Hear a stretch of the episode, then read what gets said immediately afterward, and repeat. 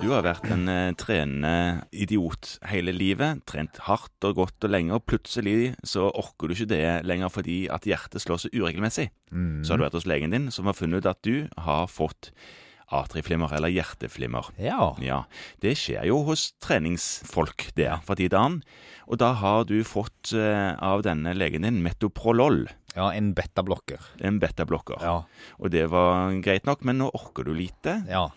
Men hvordan Orker virker- fortsatt lite. Jeg orker fortsatt lite s- tross denne medisinen. Ja. Hvordan virker en metoprolol-tablett? En betablokker eh, virker ved at den hemmer adrenerge stoffer, f.eks. adrenalin. Det som vi kaller betasystemet? Ja. Eh, og det bidrar i blodåresystemet ditt, så bidrar det til å øke hjertefrekvensen og øke kraften på sammentrekningen av hjertet. Stimuleringen av dette betasystemet gjør det. Ja. og, Og dette, det gjør egentlig at blodårer, glatte muskelceller i blodårer, trekker seg sammen. ja, sånn, at, sånn at diameteren inni der blir mindre. Ja, og da øker jo trykket, da. Da øker trykket. Så en beta-blokker den vil da på en måte hemme dette og gjøre det motsatte, så blodårene utvider seg og hjertefrekvensen går ned. Da synker blodtrykket litt, øh, hjertet pumper litt svakere.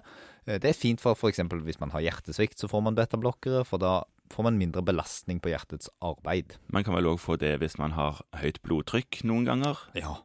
Men akkurat for, for meg, da, som var trenerinteressert Ja, nei, for deg så er det jo først og fremst å få ned denne hjertefrekvensen litt, men så er det sånn at, at betablokkere de prøver jo å være det man kaller for selektive og virke bare ett sted, men sånn er ikke alltid kroppen. Nei. Det som ofte skjer, er jo det at de virker overalt, og i tillegg til å redusere hjertets pumpeevne en del, som gjør at du kanskje får litt tung pust, så, så får du heller ikke opp frekvensen når du prøver å trene Nei. blodtrykket kan bli litt lavt, øh, og i tillegg så ja, det å gi, jeg tenker at det å gi dette til unge og ellers friske menn, det er jo nesten slemt, altså, for det, potensen har jo en tendens til å forsvinne, fordi at det utvider feil blodårer der også, Ja.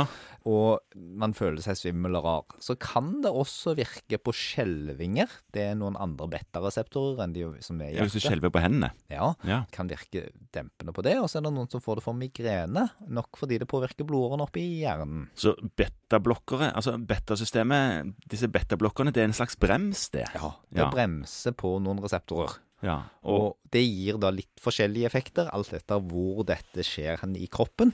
Men vanligvis er det på en måte på blodåresystemet vi ønsker å få det til å virke. ja, og hva, er det noe farlig med dette? her? Er det bare det at pulsen blir for lav, og man får for mye brems, liksom? Orker for lite? Ja, det er hovedutfordringen. Det, det er veldig sjeldent at dette er absolutt kontraindisert.